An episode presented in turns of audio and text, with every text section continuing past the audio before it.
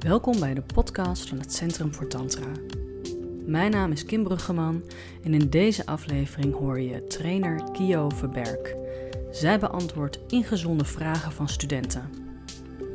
Daarna schuift trainer Gem Buur aan, want Kio en Gem stoppen als trainers bij het Centrum voor Tantra. Ze vertellen hoe het was om 25 jaar lang samen retraites te geven en hoe het nu is om daarmee te stoppen.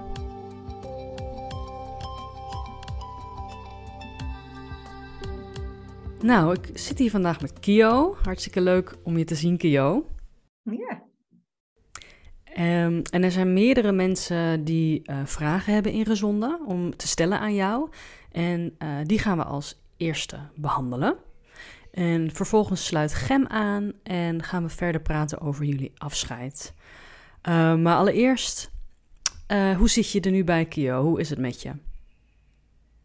Um, nou, ik vind het een beetje spannend. We hebben een keer een soort van proefje gedaan en dat heb ik toen nageluisterd. En toen dacht ik van, wat, waarom zou je hier nou naar luisteren? Wat is daar interessant aan? Dus uh, er is ietsje meer een gevoel van uh, dat ik hoop dat het behulpzaam kan zijn voor de mensen die vragen gesteld hebben. En dat weet ik niet van tevoren. Wel bijzonder dat als je vragen stelt, dat, uh, dat het je zou kunnen zeggen, belangrijker is om zelf met een vraag te leven dan om het antwoord van iemand anders erop te horen. En de openheid die er eigenlijk zit in een vraag is een belangrijke openheid om je, je, de, je eigen waarheid te, uh, te verwelkomen. En ik kan er natuurlijk iets over zeggen vanuit mijn perspectief. Maar dat wil niet zeggen dat het voor iemand anders zo is. Hè? Tantra is echt een onderzoekspad waarin je voor jezelf kijkt van wat, wat is mijn waarheid? Hoe zit het voor mij?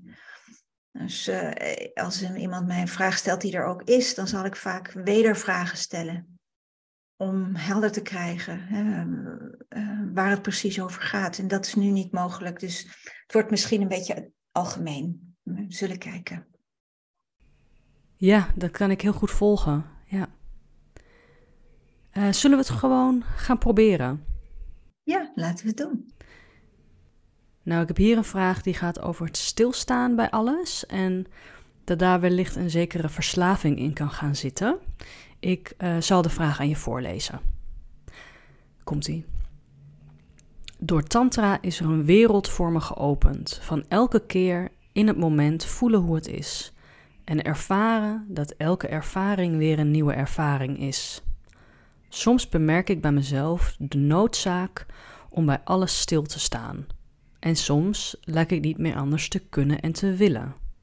Je zou kunnen zeggen dat daar een zekere verslaving in zit. Misschien zou Kio daar wat over willen zeggen. Ja, het is leuk dat de vragensteller hè, kan voelen dat er dat hij iets geleerd heeft over een mogelijkheid om te vertragen. En dat je ruimte en tijd krijgt en kunt stilstaan bij iets om de waarde ervan te voelen, of de betekenis, of wat er met je gebeurt, of patronen kunt herkennen. Dat is een hele belangrijke beoefening die we doen in de Tantra. Nou, waarom zou je zoiets, waarom zou zoiets een verslaving kunnen worden? En dat kan omdat je denkt dat je het moet doen, dat het een norm wordt. Dat kan omdat je denkt dat je daar een beter mens van wordt. Kan omdat je denkt dat je een beter leven leidt of gelukkiger wordt. En um, voor, voor de meeste mensen zou ik zeggen, is het heel behulpzaam, omdat we een egostructuur hebben die de neiging heeft om te versnellen. Daar waar eh, we gevoelige dingen tegenkomen die vermeden moeten worden, daar waar we lastige dingen tegenkomen die vermeden moeten worden, om de egostructuur in stand te houden. dus het, het patroon zelf is vaak om te versnellen zodat het patroon kan blijven bestaan. En wanneer we daarbij stilstaan, dan kunnen we zien dat het een patroon is. Dat En dat het niet eigenlijk een directe respons is van de diepte van wie we zijn. En ehm, je kunt het dus kijken eigenlijk wat je motivatie is om te vertragen. En dat is een belangrijk onderzoek, denk ik. Om open te zijn voor de mogelijkheid zonder, een, zonder er een nieuw doel van te maken. En dat zie ik wel als het belang van deze vraag. En dat we dat opnieuw aan, uh, in ons bewustzijn kunnen brengen. Van, waarom doen we het eigenlijk? En wat is de functie? Wat heb ik eraan? Wat, um, wat is eigenlijk die beoefening van vertragen? Wat vertraagt er dan eigenlijk? Want in de directe ervaring is er geen sprake van, dat voelt niet als vertragen, dat voelt als in de flow zijn, in de stroom, in, in het leven zelf, het leven zelf zijn eigenlijk. En dat, dat, dat voelt niet alsof er iets is wat iets anders ervaart, maar je bent de ervaring en die beweegt. Mooi, dankjewel. Ja, die uh, waarom-vraag en het, uh, ja, het stellen van, uh, van die waarom-vraag. Ja, en de waarom-vragen brengt vaak meer naar het, um, naar het denken. Ik zou eigenlijk, als je daar met een vraag gaat werken, meer zeggen: wat is het? Waarom, wat is het? Wat is de functie daarvan? En dat, dat kan je meer ook in contact houden met je hart daarover. Waar, waar hou ik van? Doe ik het omdat ik gehoord heb dat het goed is? Of ben ik werkelijk benieuwd naar wat mijn leven eigenlijk is? En dan is het fijn om erbij stil te staan bij je leven en te voelen, zijn dit alleen de omstandigheden waarin ik leef of is dit het leven zelf? Wat door me heen komt. Ja, dankjewel. Ik heb denk ik wel een leuke vervolgvraag over vertragen. Over hoe jij dat in je dagelijks leven doet. Ik, uh, ik lees hem voor. Zou Kio ons mee kunnen nemen in hoe zij in haar dagelijks leven vertraagt? Van groots tot heel subtiel. Ik hoor het graag. Ze beoefent dit al decennia. Ik ben ook nieuwsgierig naar haar ontwikkeling hierin.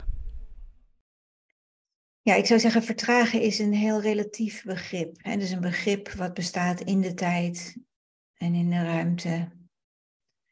Um,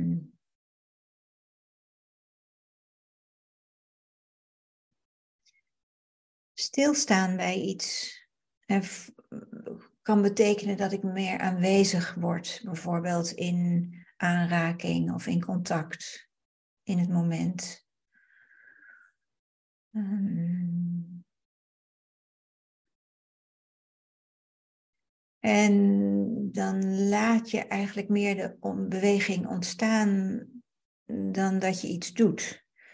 Dus in die zin doe je ook het vertragen niet. Maar je bent zo aanwezig mogelijk en dan valt je, ik noem het ziel, of de totaliteit van wat je bent, valt samen met een bepaald tempo.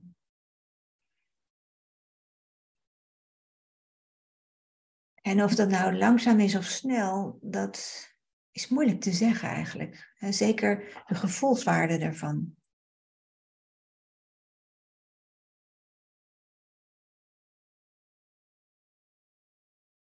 Ik kan zelf wel heel snel heel veel tegelijk doen, bijvoorbeeld. Zonder dat ik het gevoel heb dat ik veel doe of dat het snel is. Maar dat is een ontwikkeling. Dat zou zeggen, dat is iets wat door de, wat zei ik nou, 40 jaar, Tantra, 45 jaar, zich heeft ontwikkeld.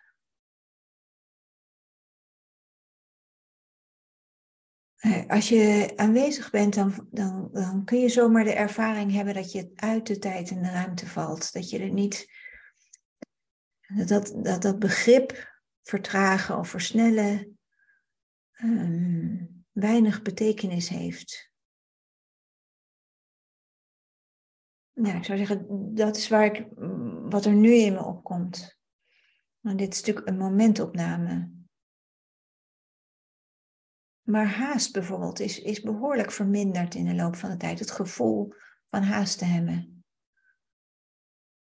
En natuurlijk scheelt het ook dat, uh, dat, ik, dat ik geen kinderen meer heb. Ik herinner me in de tijd dat ik jonge, kleine kinderen had. Dan had je heel vaak haast. Maar ik vraag me af of in de staat waarin ik nu ben, of ik dat ook zou hebben. Dus het is, haast heeft te maken met wat je denkt dat je moet doen in een bepaalde tijd. En als je dat niet, als je niet als het ware beantwoordt aan je eigen idee over wat er zou moeten gebeuren in een, in een bepaalde periode, dan haast je je of dan geef je het op. Het is een heel uh, subjectief begrip, vertraging.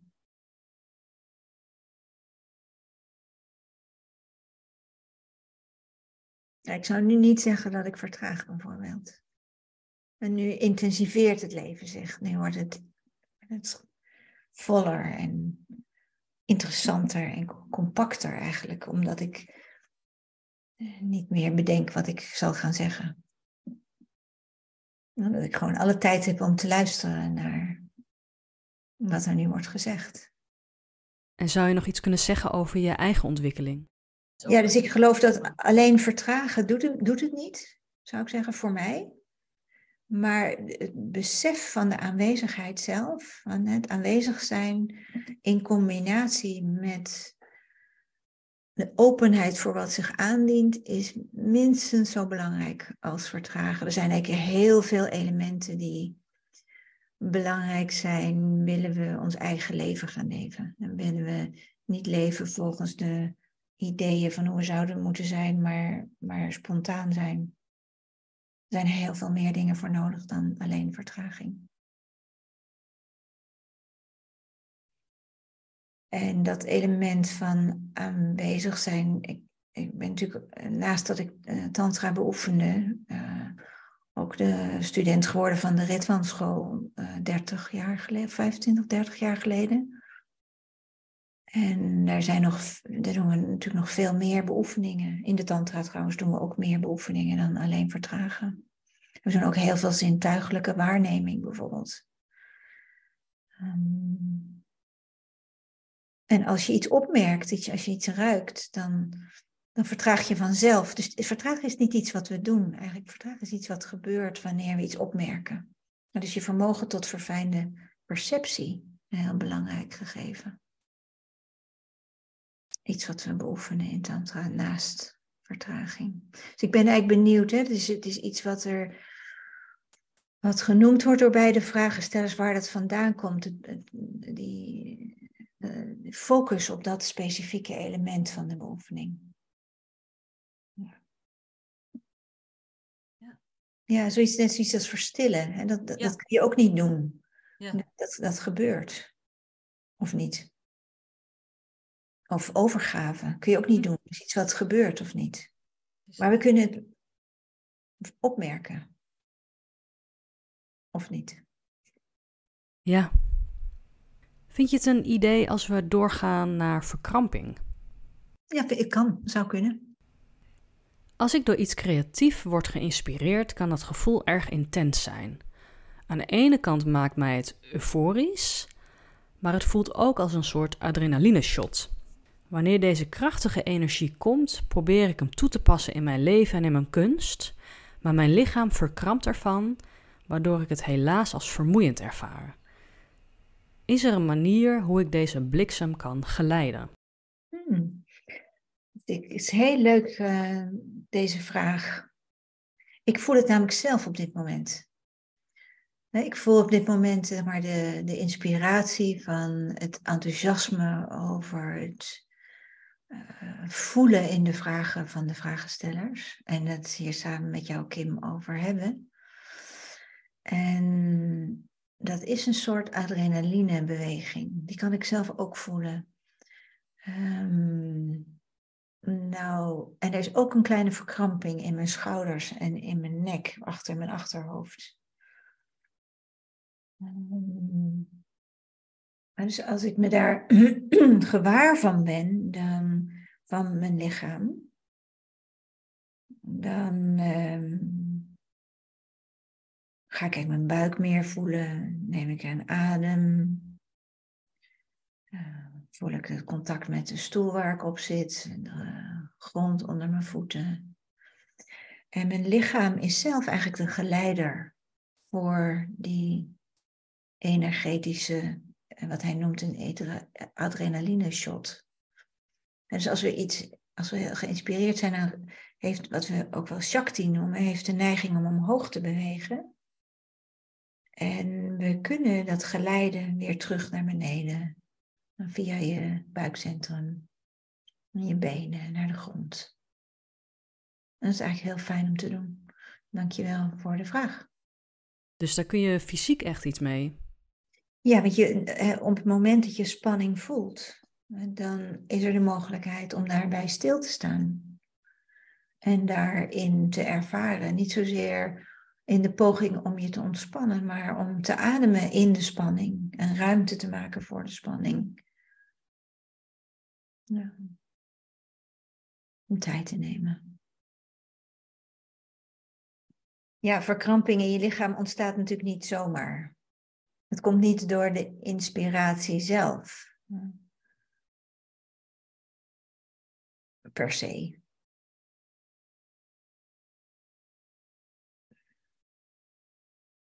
Mijn neiging is om hier te stoppen. Maar ik denk dat, eh, dat de beoefening van aanwezig zijn in je buikcentrum heel erg behulpzaam is. En uh, te leren hoe je lichaam um, spanning kan afvoeren via adem en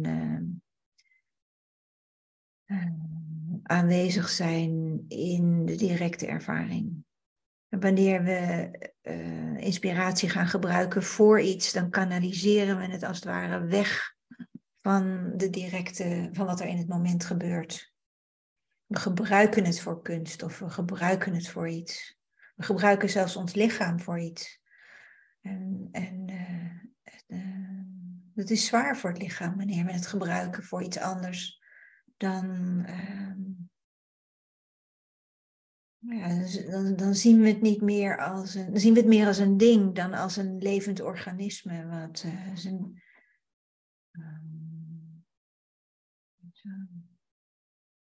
een eigen tempo heeft en zijn eigen mogelijkheden. En als er verkramping is, kun je zeggen, eigenlijk doe je dan iets te veel. En je kunt gaan ontdekken van, wat, wat doe ik iets te veel? Waarin verkramping? We zeggen ook wel eens de, de ego-structuur is, is de verkramping in het lichaam. Het is het ik wat iets, in dit geval het lichaam of de inspiratie of de creativiteit, eh, ten doel stelt van iets anders en niet vrijlaat om zichzelf vorm te geven. Dankjewel. Ik vroeg me toch nog af, heb je misschien iets heel praktisch wat deze persoon kan doen? Ja, dus ik zou zeggen, breng je aandacht naar je, leg je handen op je buik, onder je navel. Voel je adem in je buik. Als die daar niet is, geef het een beetje tijd, zodat je hem daar kunt gaan voelen. Breng je aandacht daarheen. En concentreer je op het centrum, het midden van je lichaam, omdat die energie zo omhoog neigt te gaan. En dan kun je op je adem uit, kun je uh, je voorstellen dat je energie door je bekken, door je benen, door je voeten naar de grond gaat. Dat helpt heel erg. Ja. Het is overigens wel, het hangt een beetje af van de mate van de verkramping. Soms is het nodig om een beetje te schudden bijvoorbeeld of een beetje te stampen. Uh, en wat het ene werkt ook beter voor de een dan voor de ander. Dus het is ook iets om, om voor jezelf uit te vinden. Hè? En te leren jezelf je energie te reguleren. En te begrijpen waarom de natuurlijke regulatie stopt. En dat is vaak omdat we ons ermee bemoeien. En, en dat, waar we het net over hadden, een doel hebben buiten dat wat er is.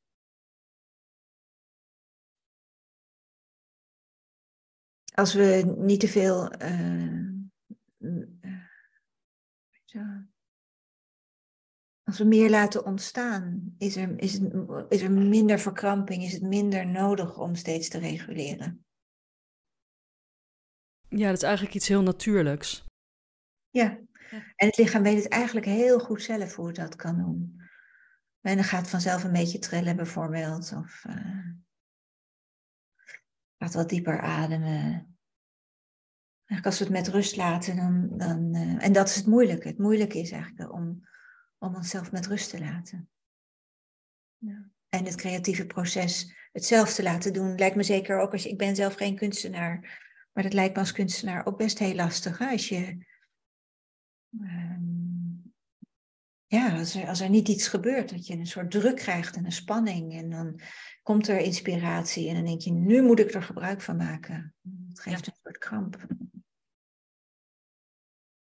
En wat natuurlijk ook is, als, als er een vraag komt, dat je denk, zou kunnen denken van, oh, nu moet ik een antwoord hebben. Maar er komt wat of er komt niks of er komt een, ja.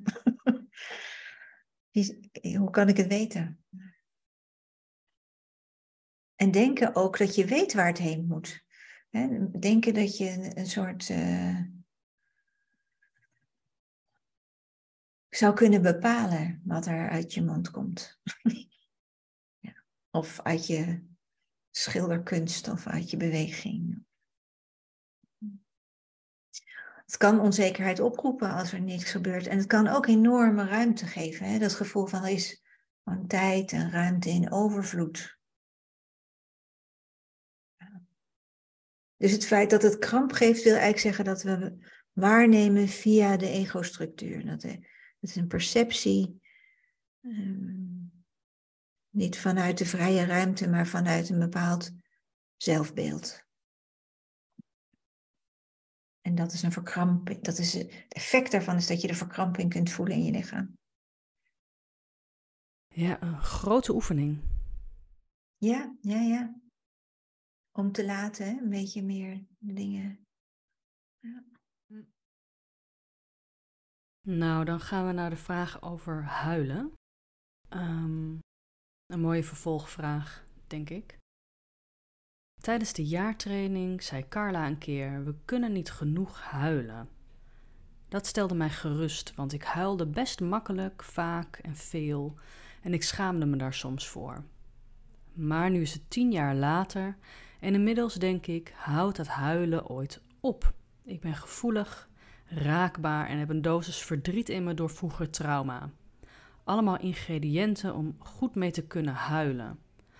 In dat huilen voel ik me niet zielig. Ik kan mezelf prima dragen, maar soms denk ik wel eens: komt hier ooit een einde aan? Hoe kijkt Kio naar huilen? Hmm, een lieve vraag, ja. Ja, ik, ik, herken het. Ik heb ook echt jarenlang heel veel gehuild. Um, ik, ik kan wel voor mijzelf zeggen dat ik veel minder huil dan vroeger. Um, niet omdat ik niet wil huilen. Uh, ze, uh, als we gewoon laten komen wat er komt, dan komen de tranen of ze komen niet. Uh, ik voel mezelf wel een beetje uitgehuild. En ik kan zeggen dat die periode van al dat huilen is heel behulpzaam geweest voor ehm, het verzachten van de spanning rond mijn hart en de defensie rond mijn hart. Um, en het is niet zo dat ik nooit meer huil. Als ik ergens verdrietig over ben, huil ik ook. Dus ik zou zeggen, voor mezelf zijn er eigenlijk verschillende vormen van huilen. Er, kan uh, verdriet zijn, er kan de ontlading zijn van spanning en kramp rond het hart. Uh, er kan zijn huilen als een um, defensieve structuur ten, waar eigenlijk onder agressie zit wat ik moeilijker vind soms om te voelen. En dat ik in plaats van te voelen hoe boos ik ben, een meer slachtofferachtig soort verdriet ga huilen. Uh, er zijn heel, heel veel vormen. Er is echt rouw. Er is echt het, het, huilen over het loslaten van uh, capaciteiten, fysieke capaciteiten bijvoorbeeld. Of uh, ja, dus het is misschien een, een, wedervraag die mij opkomt, die ik zou zeggen, wat, wat huilt? Als je huilt, wat huilt er dan? Soms is het het kind in jezelf wat huilt, omdat het niet krijgt wat het hebben wil. Zo, er zijn zoveel. Maar ik denk, het is zeker belangrijk om het niet te stoppen. Net zoals dat elk gevoel eigenlijk belangrijk is om niet te stoppen, maar het te voelen. En uh, ik denk dat ik heb moeten leren om in het huilen aanwezig te blijven. Om eigenlijk te voelen wat er, wat er huilt. Wat er precies gebeurt. En dat huilen ook een hele defensieve structuur kan zijn. Dat zijn eigenlijk twee grote dingen die me opvallen. Um, uh, ik, en vooral bijvoorbeeld, wij hadden dan in, in de Ritwan school kleine groepjes. En dan werkte je om de beurt met iets persoonlijks in een klein groepje. En dan moest ik altijd huilen. En het was eigenlijk omdat ik het. De, uh, hoe dat zeggen? De ontroering van dat er mensen waren die gewoon wilden luisteren naar me. Dus er is ook een heel aspect van, van, van dankbaarheid in huilen. Of, maar wanneer we het niet willen, dan gaat de aandacht daarheen. En niet in eigenlijk wat het is wat er huilt. Ja. Ik kan huilen over, uh, de, over de oorlogen die er plaatsvinden, over de. Dat kan. En dat kan ook zelfs zonder tranen. Zonder dat het een fysieke expressie is van een gedachte.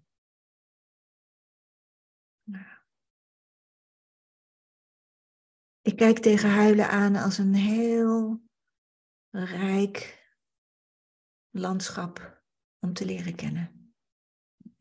Ja. Wat ik me afvroeg, um, zou je nog iets meer kunnen vertellen over de relatie tussen trauma en huilen? Mm -hmm. Ja. ja, het is natuurlijk heel begrijpelijk dat um, als er veel of als er trauma is, uh, dat er ook veel verdriet is in, in, in de ziel. Hè? En dat er jonge delen zijn die um, groot verdriet hebben. En ook grote woede overigens. En grote angsten. En überhaupt veel sterke gevoelens hebben. Emoties moet ik eigenlijk zeggen. Um, en dat kan een identiteit worden. In de zin van ik ben slachtoffer van trauma. Uh, wat ook zo is, het is ook trauma geweest. Maar wanneer het een identiteit wordt, dan kunnen we wat hechten ook aan de emoties daar, die daarbij, uh, die daaraan verbonden zijn. Ik, zou, ik, ik heb dat zelf ook gedaan. Uh, dus dan, in dat geval is het huilen meer een, een reactieve beweging, een reactie op iets dan dat er op dat moment voldoende ruimte is om onderzoek te doen naar wat huilt eigenlijk.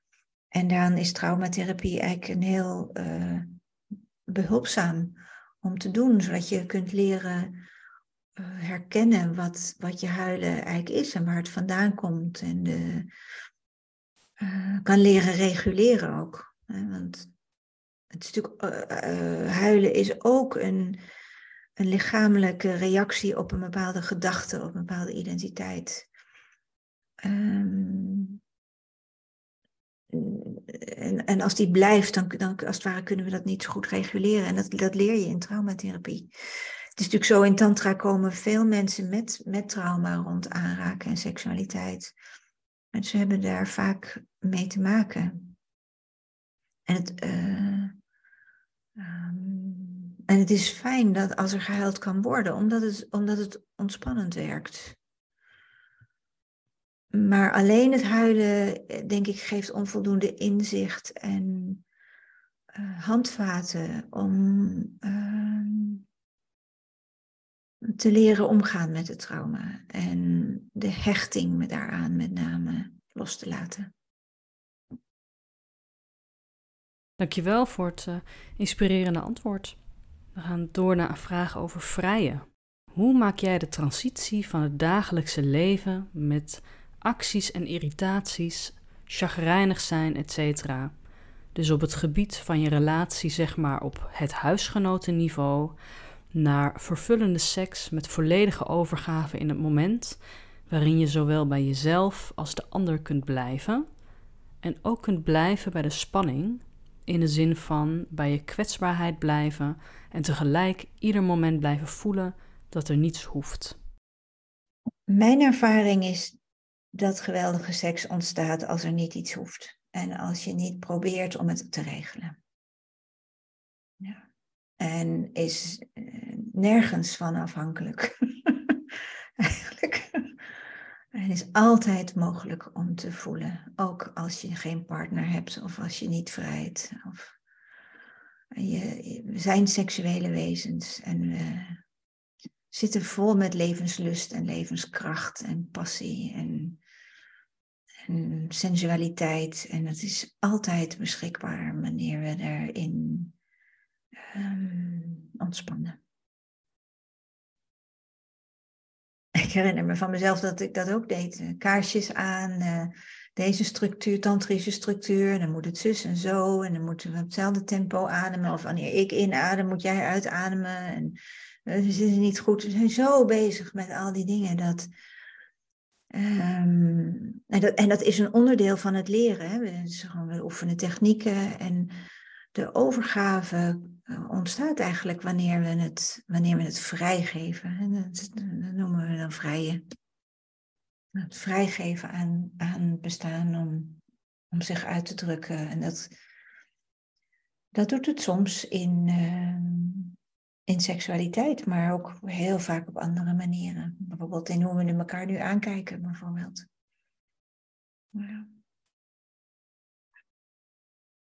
En zou je nog iets kunnen vertellen over hoe je dat zelf hebt beleefd?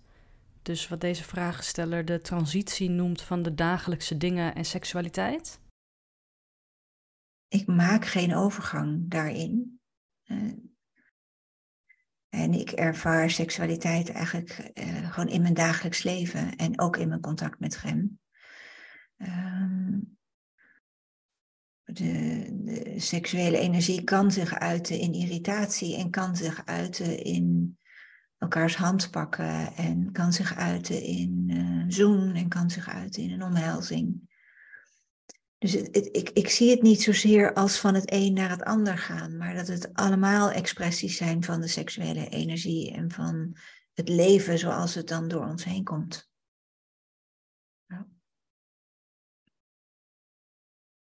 Het is een beetje zoals Osho zei. Hè? We leren over de levenskracht vaak via seks. Dat is het begin. Dat is de springplank, zegt hij. Maar het is niet het eindpunt. Het is niet het eind van het pad. Uh, seks verdwijnt op een gegeven moment. En dan uh, als, een, als de enige vorm waarin we het leven kunnen ervaren. En de levenskracht kunnen ervaren. En we gaan het... Uh, Ehm, zeker toen de kinderen kwamen, bijvoorbeeld hebben we het ook ervaren in de zorg voor de kinderen voor een heel groot deel. En in daar samen van genieten in hoe de kinderen opgroeien. En uh, toen de kinderen het huis weer uit waren. We hebben natuurlijk zelf ook veel tantra-groepen gedaan samen. Uh, in de periode dat we leraar waren. Ik geloof dat ik nu een beetje overga naar het volgende gedeelte. Over dat we gaan stoppen met de als leraar bij het Centrum voor Tantra. En uh, komende zomer de laatste groep gaan geven. Ja, nou, je bent heel organisch overgegaan um, naar het laatste deel van de podcast. Nou, allereerst heel erg bedankt voor het beantwoorden van de vragen. En ook de vragenstellers heel erg bedankt voor het sturen van de vragen. Um, nou, dan gaan we over naar het laatste deel en Gem is aangeschoven.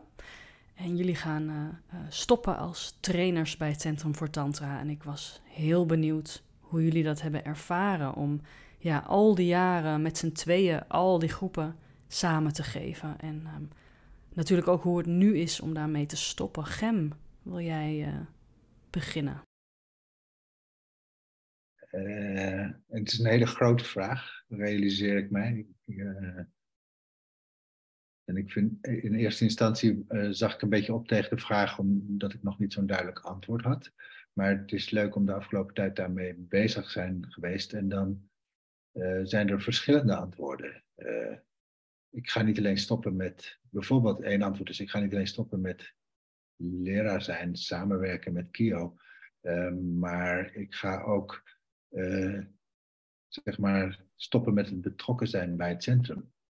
Ik heb een tijd lang functies vervuld een tussen, tussendoorfunctie vervuld in het, binnen het centrum. En ik ben op dit moment ben ik ook degene die zeg maar, de zorg draagt voor het samenkomen van de staf en de docenten en een kantoor.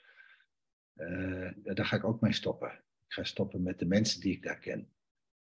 dat zijn allemaal grotere dingen dan dat ik mij nu op dit moment helemaal kan realiseren. Uh, ik realiseerde me bijvoorbeeld ook van dat ik hierover nadenkende, dat ik van het aller, aller, allereerste begin uh, in de buurt ben geweest van het ontstaan van het centrum. Ik heb met Carla en Viram in één huis gewoond toen ze nog niet eens wisten dat ze een centrum gingen beginnen. dat was uh, en terwijl ik het zeg, voel ik hoe ontroerend dat eigenlijk is. Uh, zo dichtbij hun te zijn en altijd geweest te zijn. Uh, door al die jaren heen uh, samen. Ik, ik zelf ben begonnen met Tantra niet zozeer omdat ik verlichting zocht, maar vanuit allerlei omstandigheden waarin ik met mensen van wie ik veel hou samen was en geïnspireerd was en, en met hun samen dingen wilde doen. Dus ik ben in het leraarschap terechtgekomen doordat Carla en Remmelt mij gevraagd hebben, uh, toen we samen in een huis woonden in de Jordaan, van uh, zou je niet willen assisteren in de jaartraining? Uh, nou, toen heb ik eerst de jaartraining gedaan. Nou ja, daar kan ik veel over zeggen, maar er is heel veel om afscheid van te nemen. Dat zou ik eigenlijk in eerste instantie willen zeggen en dan eventjes pauzeren, zodat Kio het kan zeggen en dan kan ik weer aanvullen. Ja, ik uh, doe volgens mij al wel 45 jaar tantra. Ik ben begonnen natuurlijk uh, eh, 15 jaar voordat ik begon als leraar op het centrum. Um, kijken. Dus dat hebben ze ook bijna 25 jaar hebben we daar les gegeven.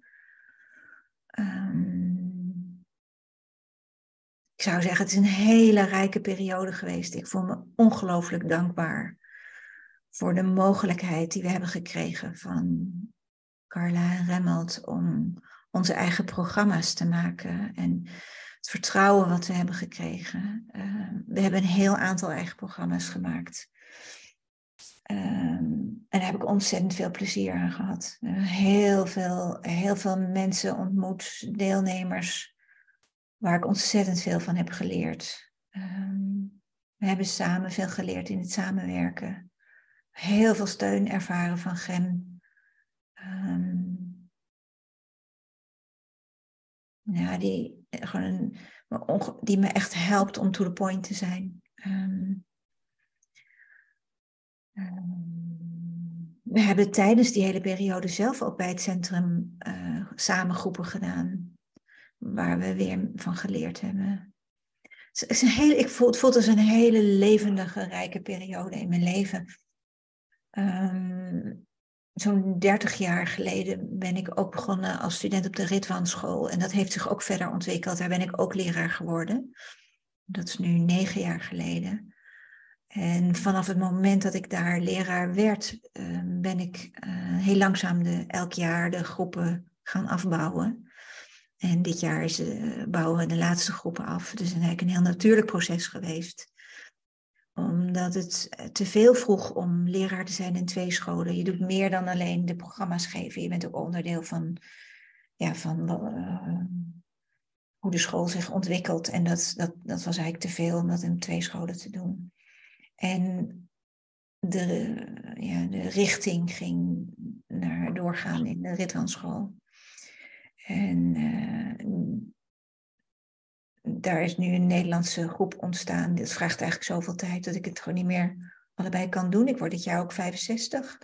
Gem is net 72 geworden. Dus het is ook. Uh,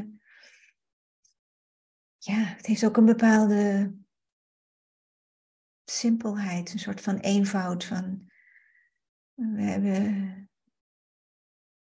het circus hier opgesla opgezet en we, en we bouwen het weer af.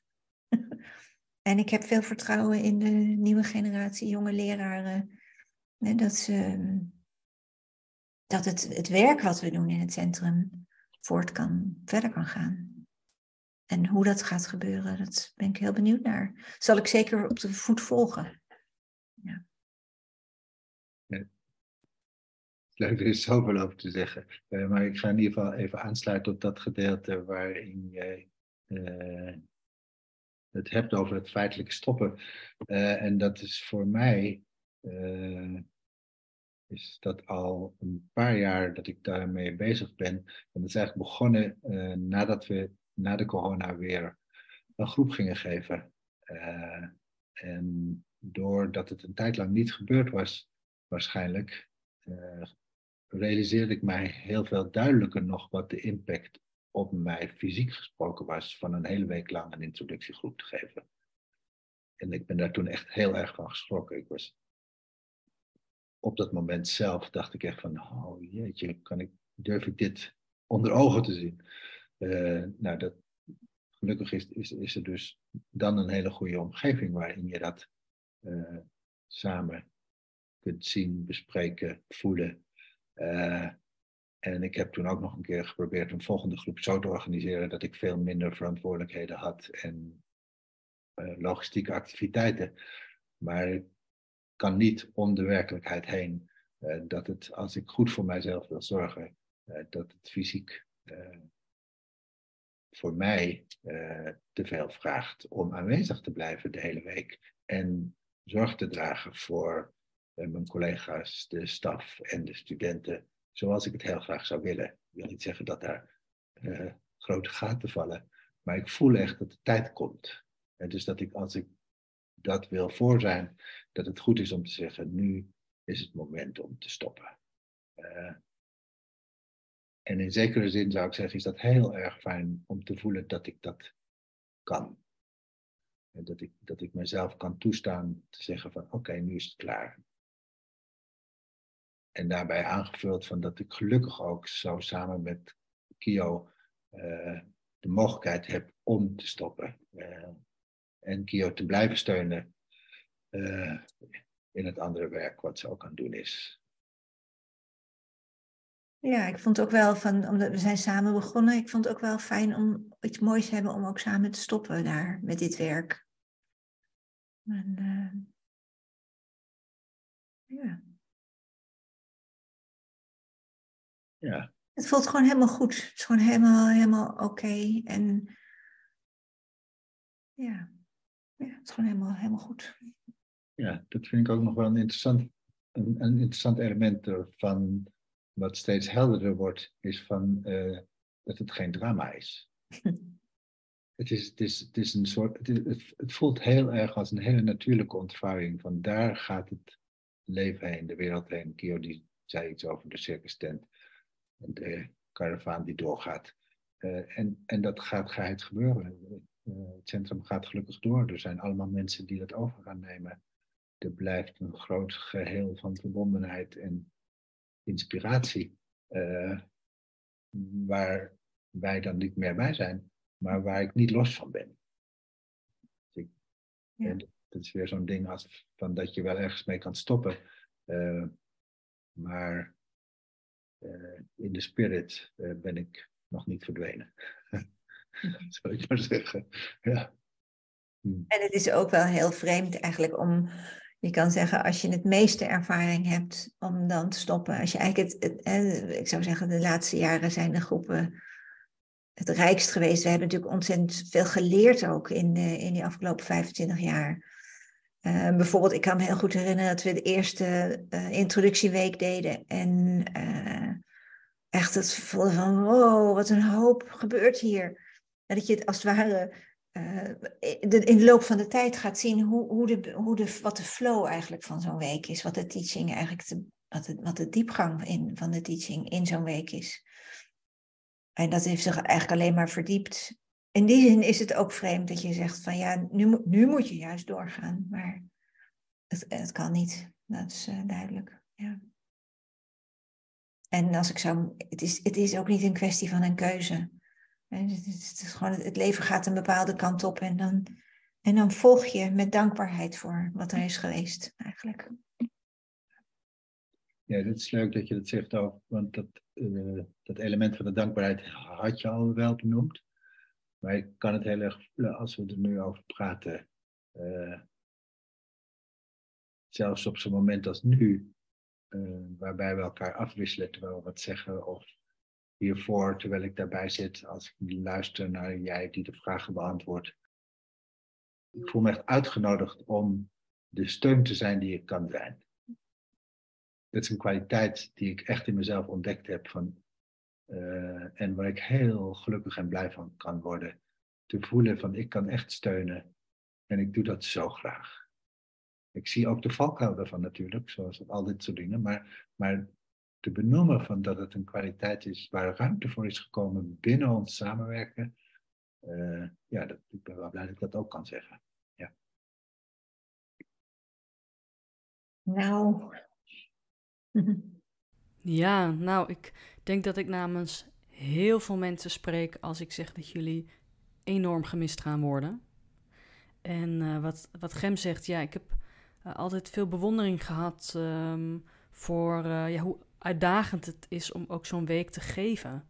Op allerlei fronten, mentaal, fysiek. Ja, ja en ik, ik weet ook echt dat we als, als paar, en, uh, en wat, wat natuurlijk een lange, lange geschiedenis heeft als paar, uh, veel inspiratie zijn geweest voor heel veel mensen. En in hoe we samenwerken. En in, ja, dat is, dat is gewoon ontzettend fijn dat dat heeft kunnen plaatsvinden. Ja, en, en ik zou daar uh, uh, nog aan toe willen voegen, eigenlijk doordat jij dat net noemde, Kim, uh, van hoeveel mensen ons gaan missen, realiseerde ik mij plotseling dat wij dit doen zodat de mensen weten dat wij stoppen. Dus we spreken op dit moment voor mensen. dus ik zou jullie allemaal, iedereen die hier dit hoort en misschien van ons gehoord heeft, misschien ons gekend heeft, misschien meegemaakt heeft, uh, echt willen bedanken voor jullie aanwezigheid in onze groepen. Ja, want je zou zomaar kunnen denken dat. Of nee, laat ik Sander zeggen. De ene kant van de rol is, is dat wij die groepen begeleiden. Maar de hele belangrijke andere kant is, is dat wij ondersteund worden door de aanwezigheid van de mensen die die groepen doen en hun bereidwilligheid om zichzelf te openen en ons daarvoor gebruiken. En dat, uh, uh, dat is een waanzinnige mogelijkheid. Uh, dat is wel interessant, ik word er helemaal ontroerd van. Want het is echt een hele goed, het is zo fijn als iemand je wil gebruiken. Hmm. En kan gebruiken. En, en ik denk dat we dat, een van de dingen in ieder geval is, die we hebben aangeboden voor mensen. Ja. ja, we zijn goed gebruikt. Ja, precies. Zo is dat. ja. En het is nog niet op, maar het gaat. Het is gelukkig niet opgebruikt. Nee. Dus pas als we doodgaan, zijn we opgebruikt. Ja, ja, ja, ja, ja, ja. Nog een heel leven heb ik het ja. wel. Ja. ja, ja. Nou, tot slot voor jullie allebei vind ik het nog leuk om te vragen hoe jullie er nu bij zitten. Kio, hoe was het voor je? Um, ja, ik vond het fijn. Ik vond het fijn ook dat we uh, uh, dat Gem er ook bij was. In ons proefje was hij er niet bij, maar het ja, ik, ik, voel echt de waarde van zijn aanwezigheid hier. En, en dat is eigenlijk altijd zo geweest in het centrum. En, um, ja, en het is leuk dat jij de, degene bent die ons afscheid in, inluidt. ja, we doen nog, ja, nog één groep en dan is het, uh, is het voor, voor gebeurd. Ja. Ja. en uh, ja, ik zou ook zeggen, dankjewel voor de gelegenheid om dit te doen. Mm. Uh, ik heb daar wel enigszins tegen opgekeken en gedacht van nou, dat doen we dan later nog wel eens een keertje of zo, weet je wel. maar dat gebeurt wel vaker dan in het doen zelf en, en zo in ons samen zijn hier. Uh, komt er eigenlijk iets naar voren wat heel erg um, ja, voor mij fijn is om te benoemen. En waar ik blij van ben dat ik dat heb kunnen benoemen. Dus dat ik in de gelegenheid ben geweest om daar iets over te zeggen. Uh, dus mijn dank daarvoor. Ja. Ik voel me tevreden en rustig. Ik vond het ontzettend leuk om jullie uh, te zien en te spreken. Heel erg bedankt voor dit gesprek en nogmaals voor alles wat jullie uh, al die jaren gedaan hebben voor het Centrum voor Tantra. Dankjewel, Kim. Ja, heel erg bedankt. Wat fijn dat je luisterde naar de podcast van het Centrum voor Tantra. Voor meer informatie over wie we zijn, hoe we werken en wanneer we welke groepen geven, ga je naar centrumvoortantra.nl.